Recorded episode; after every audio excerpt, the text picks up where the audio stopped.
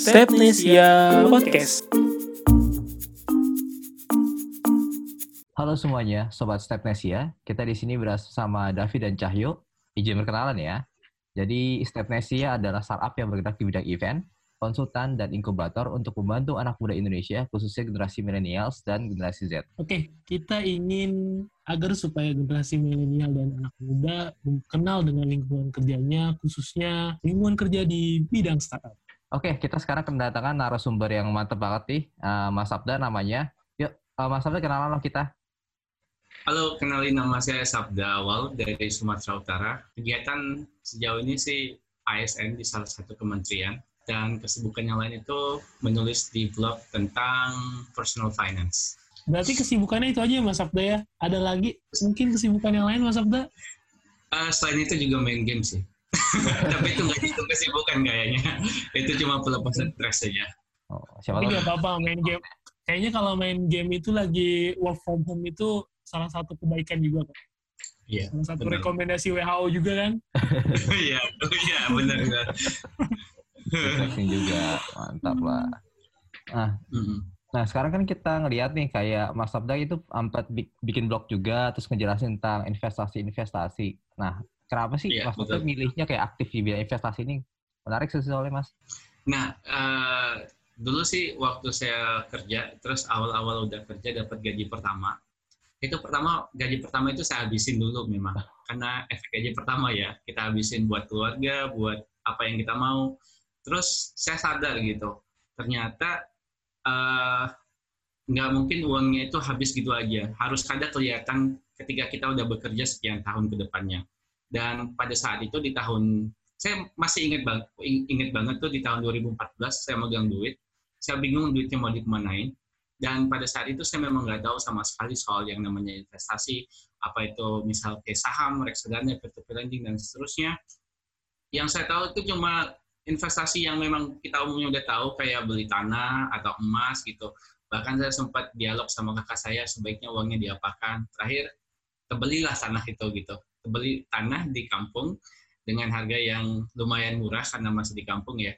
Terus saya mikir kalau seandainya saya investasi tanah terus-terusan itu pertama kan susah uh, nggak liquid ya karena susah cairnya.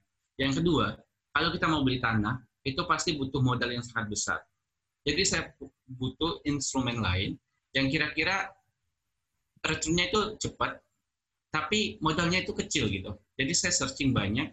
Terakhir, pertama-tama sih saya kenalnya dengan saham duluan. Kemudian baru kenal yang namanya reksadana. Dan terakhir sejak 2018 saya fokus di peer-to-peer lending.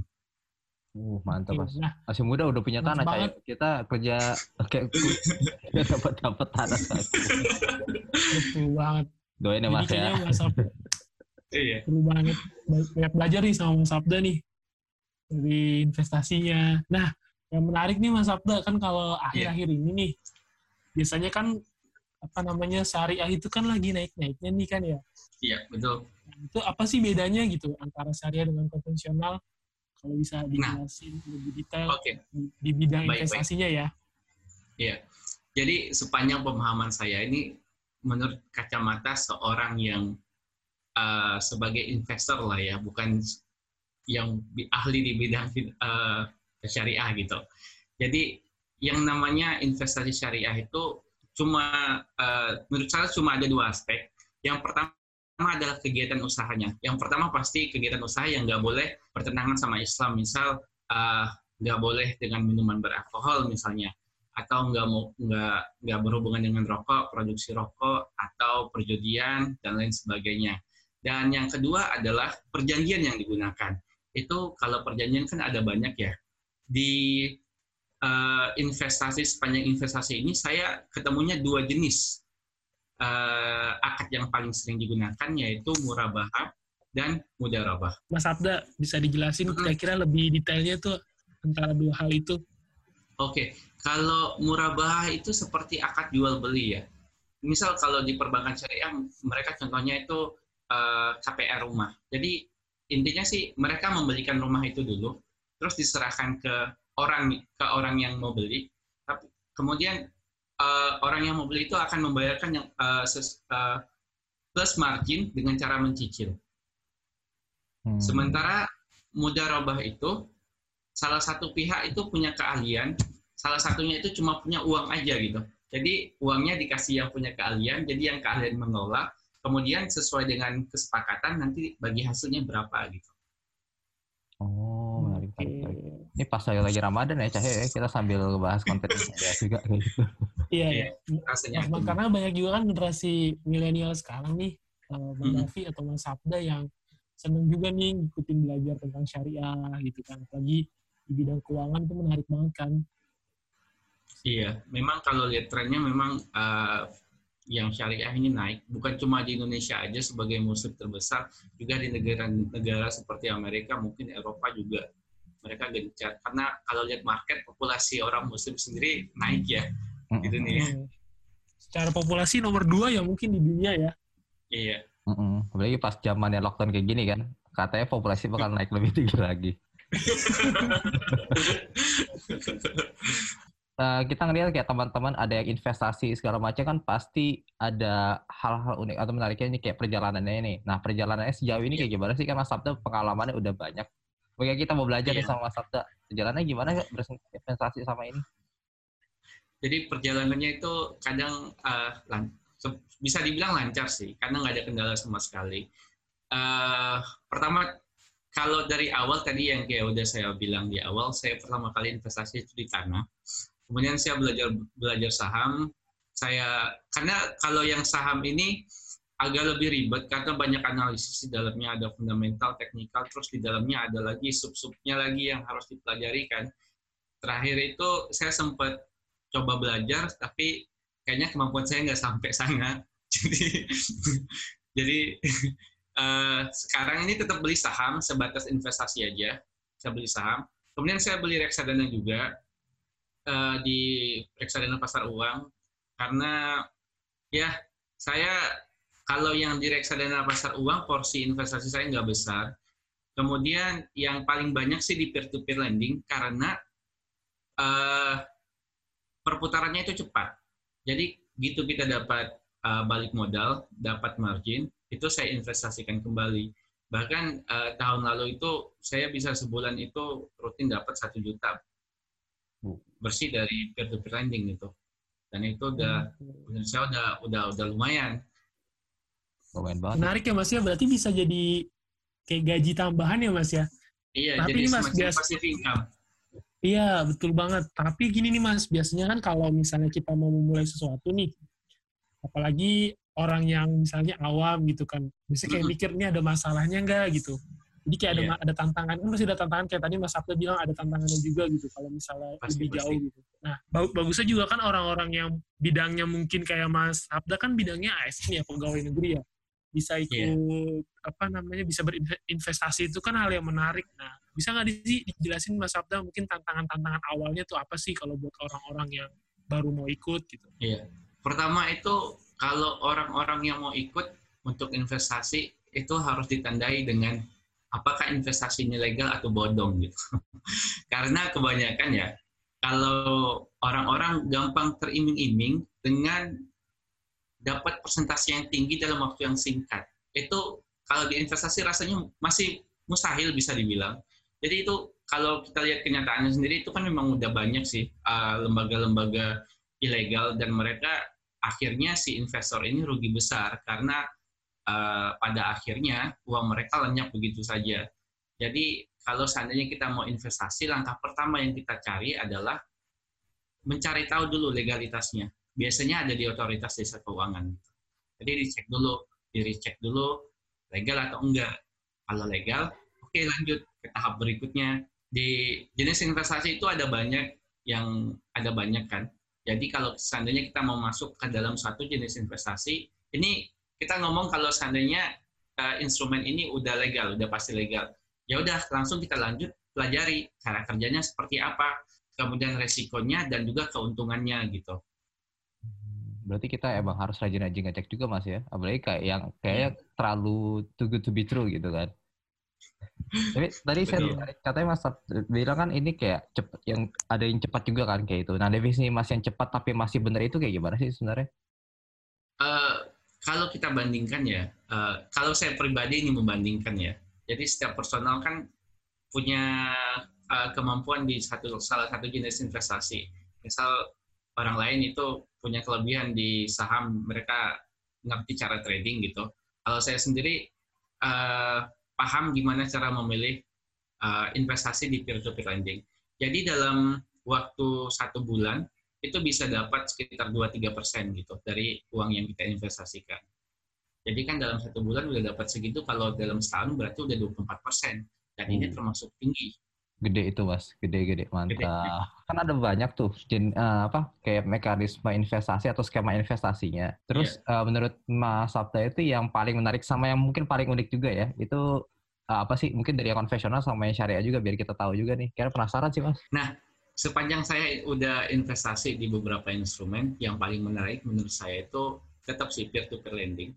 Karena yang paling nyata memberikan hasilnya. Hasilnya gurih soalnya. Uh. Kemudian, lapar masa gini. udah hasilnya gurih, modalnya juga nggak nggak besar. Mulai dari 5.000 udah bisa gitu. 5.000 aja.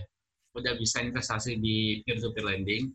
Kemudian perputaran uangnya juga cepat karena biasa tenornya kadang ada yang cuma seminggu udah udah kelar proyeknya jadi kita langsung dapat uang kita langsung modal kita langsung balik uh, keuntungan juga langsung dapat gitu uh, untuk syariah atau konvensional ya uh, kalau saya pribadi lebih uh, mengedepankan investasi berjenis syariah karena ya sebisa mungkin kita menghindar uh, saya sebagai muslim yang menghindari uh, investasi yang konvensional gitu karena uh, dilarang biar berkah juga. Hmm, mantap, mantap, mantap. Yeah. oke. Berarti menarik banget ya yang disampaikan oleh Mas Sabda nih terkait hmm. itu. Nah, cuma kan biasanya harus ada ininya juga nih Mas, trik-triknya ya kayak tadi Mas Sabda bilang nih, misalnya sebulan yeah. bisa dapat satu juta, itu kan jadi tambahan banget kan buat kayak misalnya teman-teman di luar sana yang mau mulai investasi kan gitu. Biasanya sih tips apa nih Mas Sabda kalau biar pertama langsung dapat tuh gitu. Biasanya orang kan pengen orang orang pada umumnya kan pengen langsung dapat kan, pengen cepet iya, gitu, pengen mudah gitu. Ada nggak sih tips trik yang mudahnya juga gitu biar dapat keuntungan yang cepat juga gitu dan aman khususnya. Tapi sebelum itu kayaknya saya harus ini deh uh, jelasin itu peer to lending itu apa karena dari tadi kita ngomongin peer to lending tapi cara kerjanya kita nggak tahu, resikonya kita nggak tahu, terus regulatornya juga belum tahu siapa gitu kan. Terus, boleh, boleh, boleh. Uh, nah, boleh, boleh. jadi uh, saya udah nyiapin, saya akan share screen. Nah, di sini ada cara kerja peer-to-peer lending itu sendiri. Jadi ada tiga, ada empat, sorry ada empat uh, pihak yang terlibat dalam peer-to-peer lending. Yang pertama itu regulator, yang kedua itu investor atau disebut juga sebagai lender atau disebut juga sebagai pemberi dana. Hmm. Yang kedua ada yang namanya borrower atau disebut juga sebagai yep. penerima dana. Ini yang ketiga ya.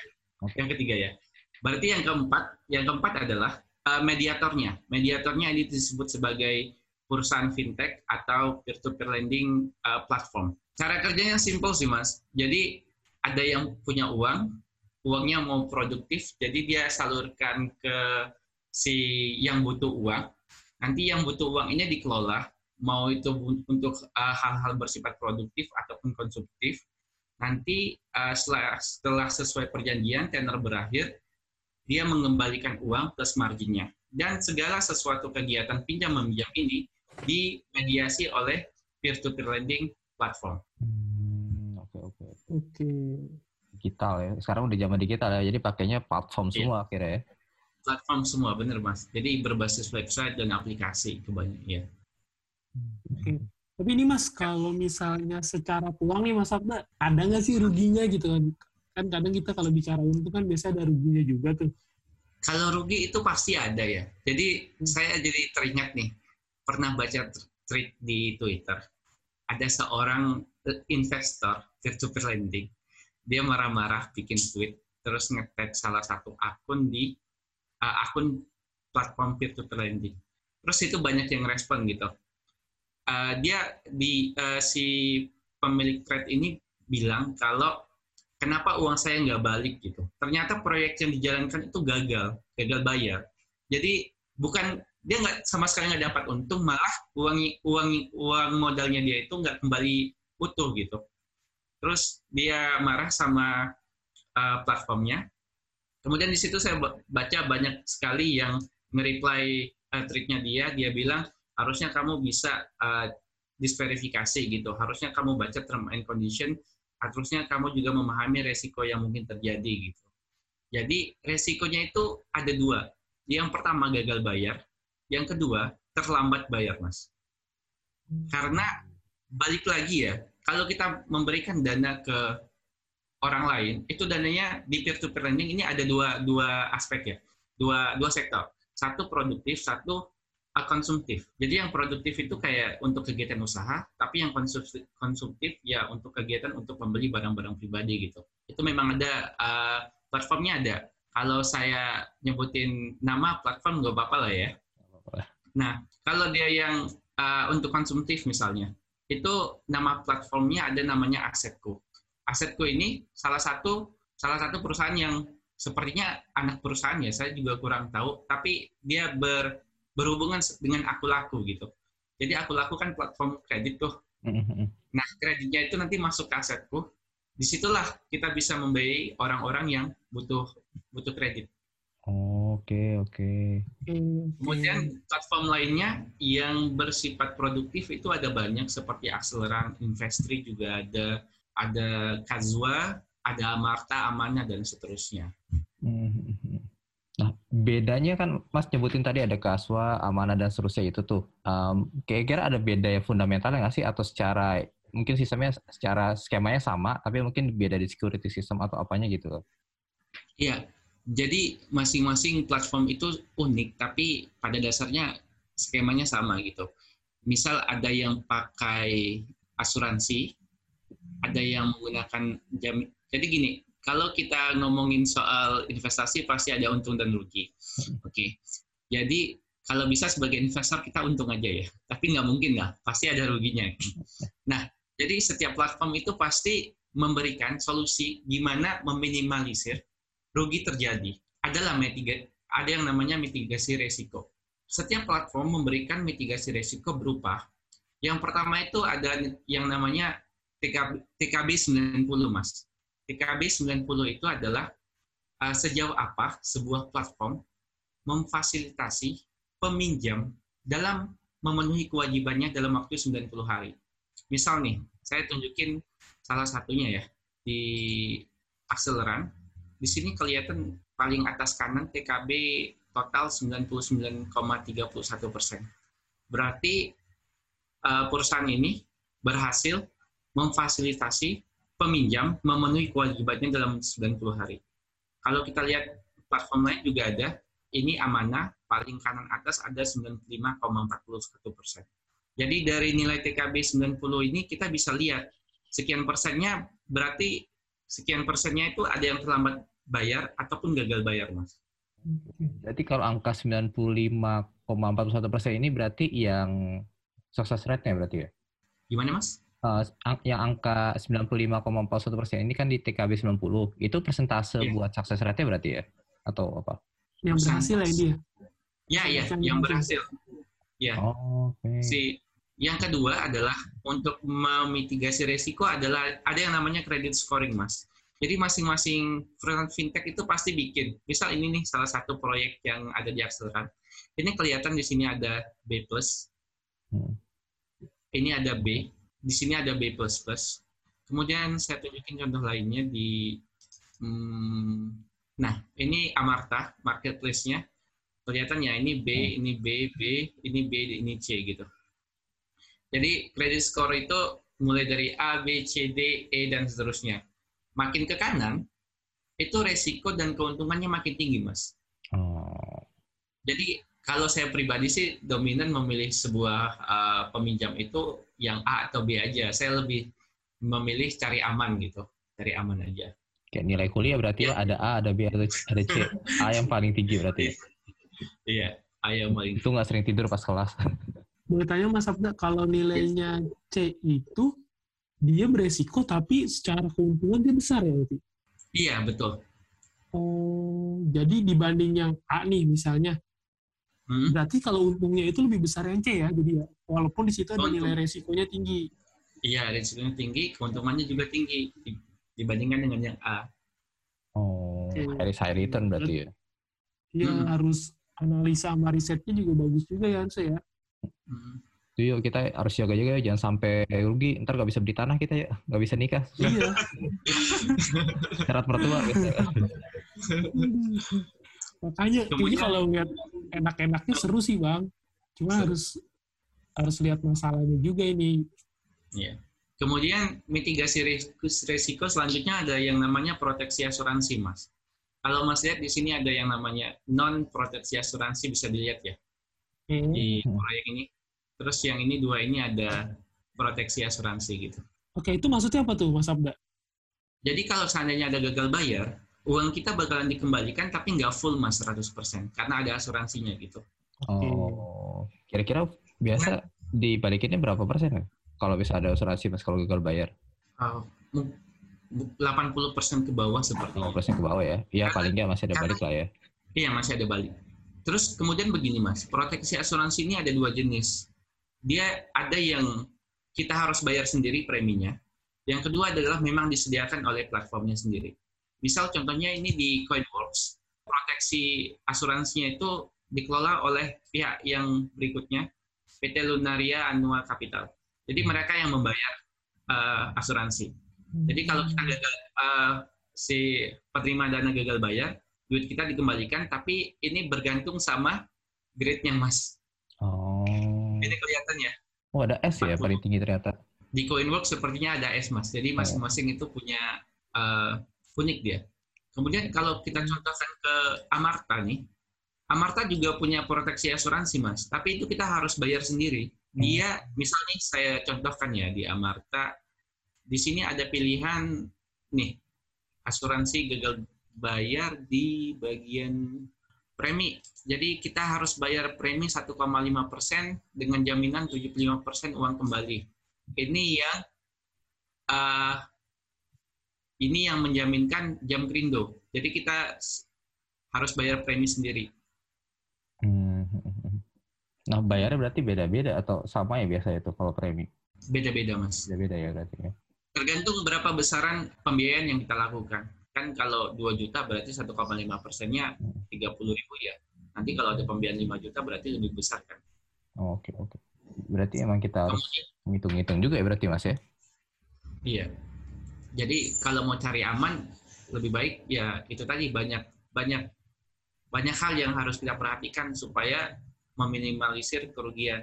Kemudian yang terakhir itu agunan, Mas. Jadi masing-masing uh, proyek itu ada agunannya, tapi nggak semua platform punya agunan ya. Hmm. Yang saya contohkan ini cuma ada di akseleran yang bisa saya tunjukkan. Misal di salah satu proyek itu ada yang seperti ini. Jaminannya atas hak tanggungan atas tiga buah SHN nilai tidak kurang dari 1,3 miliar gitu. Berarti dia punya agunan.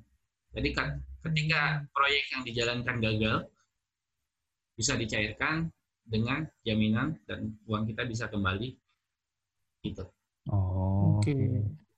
Berarti kalau ada gitu ya. Tapi kalau yang ada kalau ada yang agunannya seperti ini, itu pasti ya mas ya misalnya saya dibalikannya dia dikembalikannya dua puluh lima ribu pasti dikembalikannya dua puluh lima ribu ya walaupun mungkin agak nah, telat atau gimana uh, kalau yang jaminan ini mas kan uh, saya juga kurang kurang paham ya.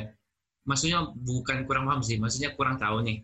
Sebe jaminan nilai jaminan itu apakah sebesar uh, total pinjaman atau enggak gitu. Kalau seandainya nilai jaminannya itu lebih kecil dari total pinjaman, artinya berarti kita kan nggak dapat full 100% uang kita kembali. Hmm. Oke. Okay. Ya, berarti ini ya yang paling penting dipelajari. Tadi salah satunya menarik tuh uh, Mas Abda yang dari S, A, B, C, D, E itu ya. Kredit skornya. Iya, kredit skornya kita harus tahu juga berarti ya kalau sebelum mau kita berinvestasi gitu. Iya, betul Mas. Nah, itu Jadi, semakin ke semakin mm -hmm. ke kanan tuh semakin besar Mas peluangnya dan semakin besar juga gagalnya. Iya, betul Mas. Jadi makin kanan makin besar rugi makin besar resikonya, tapi makin besar juga keuntungannya. Karena logikanya nah, kalau misalnya resikonya gede, orang juga nggak mau kan kalau untungnya sama-sama aja gitu. iya. benar mas. Iya sih. Tapi menarik juga. Mas Abdul pernah yang paling kanan nggak mas? Nggak, nggak pernah mas. Saya orangnya main aman aja. Moderat soalnya. Oke, siap, siap. Antara moderat konvensional. Oke. Tapi banyak Hmm. juga ya mas ya yang main di, di kanan-kanan gitu, agak ke kanan gitu. Di, misal di B atau ke E gitu kan. Sepertinya ada mas, karena kalau saya perhatikan eh, proyek-proyek ini kadang habis dia didanai sama orang-orang. Berarti berarti tetap ada gitu eh, peminat untuk mendanai eh, kredit skor yang sebelah kanan. Oke. Tapi Jadi awal, kalau saya boleh awal, boleh review ya. dulu berarti ya. Ya, habis itu nanti mungkin kalau Iya. udah pengalaman yang lumayan, udah bisa ngitung resiko segala macam, baru lama-lama ke kanan gitu ya. Iya, boleh coba mas. Iya Bang Davi mungkin kita langsung coba paling kanan kali ya biar biasanya kan harus sedih dulu gitu. Atau senang dulu gitu. Jadi ini agak sedikit gambling juga nih kalau yang paling kanan nih. Baca ya. asal, Waduh. asal nanti kalau udah gagal bayar jangan ini ya mas, jangan jangan marah-marah ya. Ntar curhatnya ke lah ya. Udah resiko investasi yang kayak gitu. Kita do- banyak-banyak doa dulu aja nih sebelum nyoba yang kanan berarti. Nah, ada tips and tricks lain nggak dari Mas Sabta kira-kira? Ini kan tadi menarik banget nih. Cuma kan uh, itu info yang berdasarkan dari mungkin website segala macam. Nah, kalau dari Mas Sabta sendiri ada tambahan nggak dari pengalaman-pengalaman selama ini? Karena kan kalau ke orang harusnya lebih netral kan kita ngeliatnya lebih objektif. Hmm. Kalau tips and triknya ya, Hmm. satu aja sih tambahannya. Disverifikasi, Mas. Jadi jangan pernah meletakkan semua uang kita dalam satu proyek yang sama. Jadi di Hmm. dibagi-bagi lah.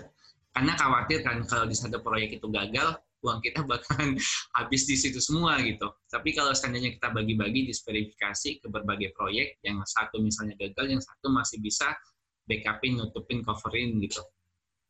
Oke. Berarti harus kayak diurutin ya kayak misalnya misalnya kayak kita cari kampus SPMB, zaman saya, saya SPMB namanya, itu kayak harus Hmm. pilih ada tiga urutan kayak gitu ya berarti ya. Jadi kita tahu nih mau ke mana ke mana ke mana aja. Harus riset Hmm. berarti ya.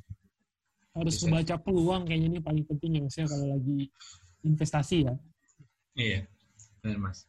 Oke. Eh, kemudian teman-teman kalau seandainya teman-teman penonton di sini atau pendengar mau eh, ngecek eh, peer-to-peer lending itu legal dan syariah atau enggak, bisa langsung dikunjungi aja website OJK. Hmm. Nanti di sini akses berita dan kegiatan, di sini ada publikasi, Mas. Eh, ini informasi ini penting ya, karena teman-teman kan ada juga yang pengen dia yang konvensional atau pengen yang syariah aja, gitu. Atau mau ngecek dia legal atau enggak. Jadi di daftar publikasi itu akan kelihatan di sini penyelenggara fintech terdaftar dan berizin di OJK per 30 April 2020. Hmm. Ini tinggal Oke. terdaftar 160 nanti bisa langsung kita cek. Nah, ini jadi salah satu referensi buat saya untuk ngecek sebuah peer-to-peer lending. Di sini kelihatan nama platformnya, website, Oke. kemudian jenis kegiatannya konvensional, syariah, terus eh, sistem operasinya ada operasi ya, ya Android Hmm. atau iOS. Software Banyak juga ya. Ini Hmm. kayak ada warna beda itu yang dari 25 itu ke, terus ke bawah itu maksudnya apa Mas ya kalau, kalau boleh tahu? Oh tadi ada di Ah, tangan. Kalau di sini keterangannya izin dan terdaftar, Mas. Tapi saya pribadi memang belum bisa membedakan apa itu iz- eh, izin usaha, yang mana itu terdaftar gitu. Saya belum tahu perbedaan yang diberikan sama OJK. Hmm. Di sini kelihatan nih izin usaha sama terdaftar gitu. Oke. Dan benar lagi Sobat Sapiencia ini nggak semuanya ada di iOS ya, jadi kayak kebanyakan Android, terus ada juga yang malah nggak ada sistem operasinya berarti ya, harus ke website berarti Iya. ya. Harus di website, Mas. Benar sekali. Oke, oke, oke. Widih, mantap nih dapat banyak info nih kita dari Mas Sabda nih, luar biasa emang. Para ahli, ahli kita nih, berguru kita Mas. Apalagi buat, buat- buat orang yang baru mau mulai nih, penting banget ya. Informasi Hmm. dari Mas Sabda. Nah, Jadi Mas yang sendiri kan punya ya, penjelasan-penjelasan informasi nih, kita kan sempat lihat kayak Mas Sabda ada kayak website-nya juga, terus juga Hmm. mungkin kayak apa sering nggak sih di sosmed juga kayak infoin kayak gitu? Kalau saya pernah bahas di highlight sih story di IG, jadi tentang peer-to-peer lending. Kemudian eh, jarang-jarang sebenarnya di sosial media saya lebih aktifnya di blog. Jadi Oh. semua tulisan saya ada di blog semua. Jadi teman-teman kalau mau baca itu bisa di blogsabda.com bisa dikunjungi. Oke. Jadi kalau misalnya receh ada, berarti ada yang sama gosip-gosip nggak jarang aktif di sosmed. iya, berarti kalau ada yang kurang jelas bisa langsung berkunjung ke blog sabda.com ya, Mas ya? Betul Mas. Kalau nanti masih kurang jelas juga bisa tinggalkan komentar pertanyaan atau langsung di email aja Mas. Soalnya banyak juga yang emailin saya nanya tentang investasi. Oh, Mungkin bisa baik banget ditampilin mas Sabda. blognya. Tampilannya juga kita lihat Oh. menarik sih blognya Mas Sabda ini. Kita buka blognya ya. Blogsabda.com berarti. Oh, Ya. Ya, Jadi bisa dicek. Kalau tentang virtual trending bisa cek di sini tulisannya. Oke, dikasih ini ya, tabnya. Uh, mantap nih informasinya tuh. Jelas juga kan itu Hmm. judul-judulnya, jadi bisa kita cek satu-satu berarti ya. Mumpung Iya. lagi Ramadan, kita banyak-banyak belajar juga ya. Iya. Biar cepat beli tanah ya Mas. Belajar beli Iya, tanah, amin, amin, amin. bertahap habis itu bangun investasi ya. rumah, Bangun rumah. Benar Mas. habis itu bangun rumah tangga setelah itu. Iya. Iya. Teman-teman bisa kunjungi untuk baca tentang investasi. Di sini ada peer lending, ada emas, deposito, reksadana dan saham. Saya juga Oke. nyempilin di sini tentang cara mendapatkan uang dari blog juga ada di sini. Income. Oke, mantap banget. Berarti yang paling penting dibaca dulu ya Mas ya blognya, baru bisa bertanya nanti di email gitu. Betul Mas. Maksudnya jangan tanya langsung email, nanti kan bingung juga minimal apa yang Mas Abla udah share nih bisa dibaca oleh teman-teman semua gitu. Eh, saya lupa informasikan eh, sistem pendanaan yang ini di peer-to-peer lending. Satu hal yang saya lupa tadi, itu pendanaannya mulai dari 5.000 sampai dengan beberapa juta rupiah ya. Itu tergantung jenis, tergantung sama jenis platformnya. Misal kalau dia di Kazua, di Kazua itu mulai dari 5.000 rupiah. Ah, Ini investasinya Hmm. mulai 5.000 rupiah. Tapi kalau di Amarta dia beberapa juta, eh, di beberapa juta bisa sampai 4 atau 6 juta gitu atau lebih. Ada juga yang dia sistemnya pakai sistem slot mas. Misal di Acceleran ini kan jumlah pinjamannya ada yang sampai 1 miliar. Itu dibagi per slot itu satu slot 1 juta gitu. Jadi kita bisa ambil keli- kelipatan 1 juta. Hmm. Lima ribu juga ya. Itu seharga estimasi Kalau- Caya. Kalau kita Nah beli. itu itu betul banget mas. Itu kayaknya kalau yang 5000 itu bisa banget buat belajar mas minimal kan anak analisis, Oh. kemudian tahu polanya gitu. Istilahnya nggak beli boba dulu ya, bo, eh, harga, duit buat beli boba dipakai dulu buat coba-coba kan. Iya, buat coba enggak enggak kalau gagal nggak sakit banget lah gitu kalau lima gitu.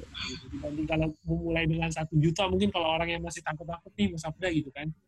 Kalau Iya. lima ribu kan kelihatannya nanti bisa oh baca peluangnya baru bisa yang lebih besar kalau udah tahu ritmenya gitu.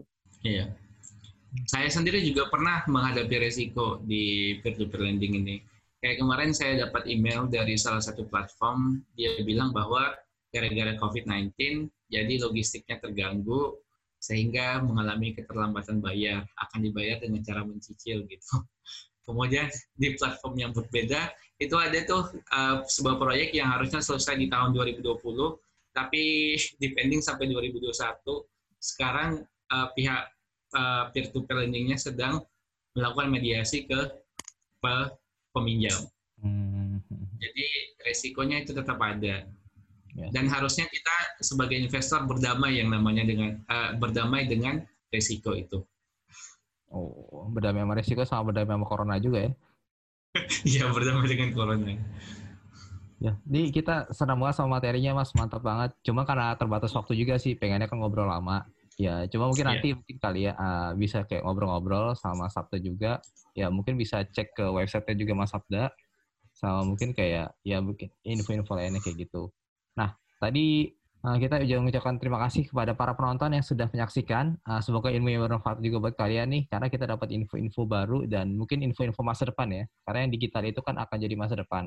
Jadi kayak di new normal di social distancing ini dan juga kayak uh, mungkin sambil kantoran terus juga sambil iseng buka HP nggak cuma belanja online doang tapi juga bisa belanja investasi kayak gitu ya. Nah uh, untuk kalian kalau misalnya suka dengan materi kita jangan lupa klik like dan juga dapat info-info keren lainnya di subscribe ya di YouTube atau di podcast kita di Spotify. Oke. Ya. Nggak cuma itu, kalau misalnya mau kepo-kepo atau mau lihat lebih jauh, kita ada media sosial juga, di mana websitenya alamatnya adalah stepnesia.com, kemudian Instagramnya juga bisa di follow di @step dot atau titik Nesia dan di LinkedIn-nya, Facebook dan Twitter bisa ketik di Step Nesia. Nah buat teman-teman yang penasaran nih, nanti ada kegiatan atau podcast apa bisa langsung dikepoin ya. Oke. Okay. Okay. Seribu jarak tercipta karena dimulai dari langkah pertama. Step Nesia.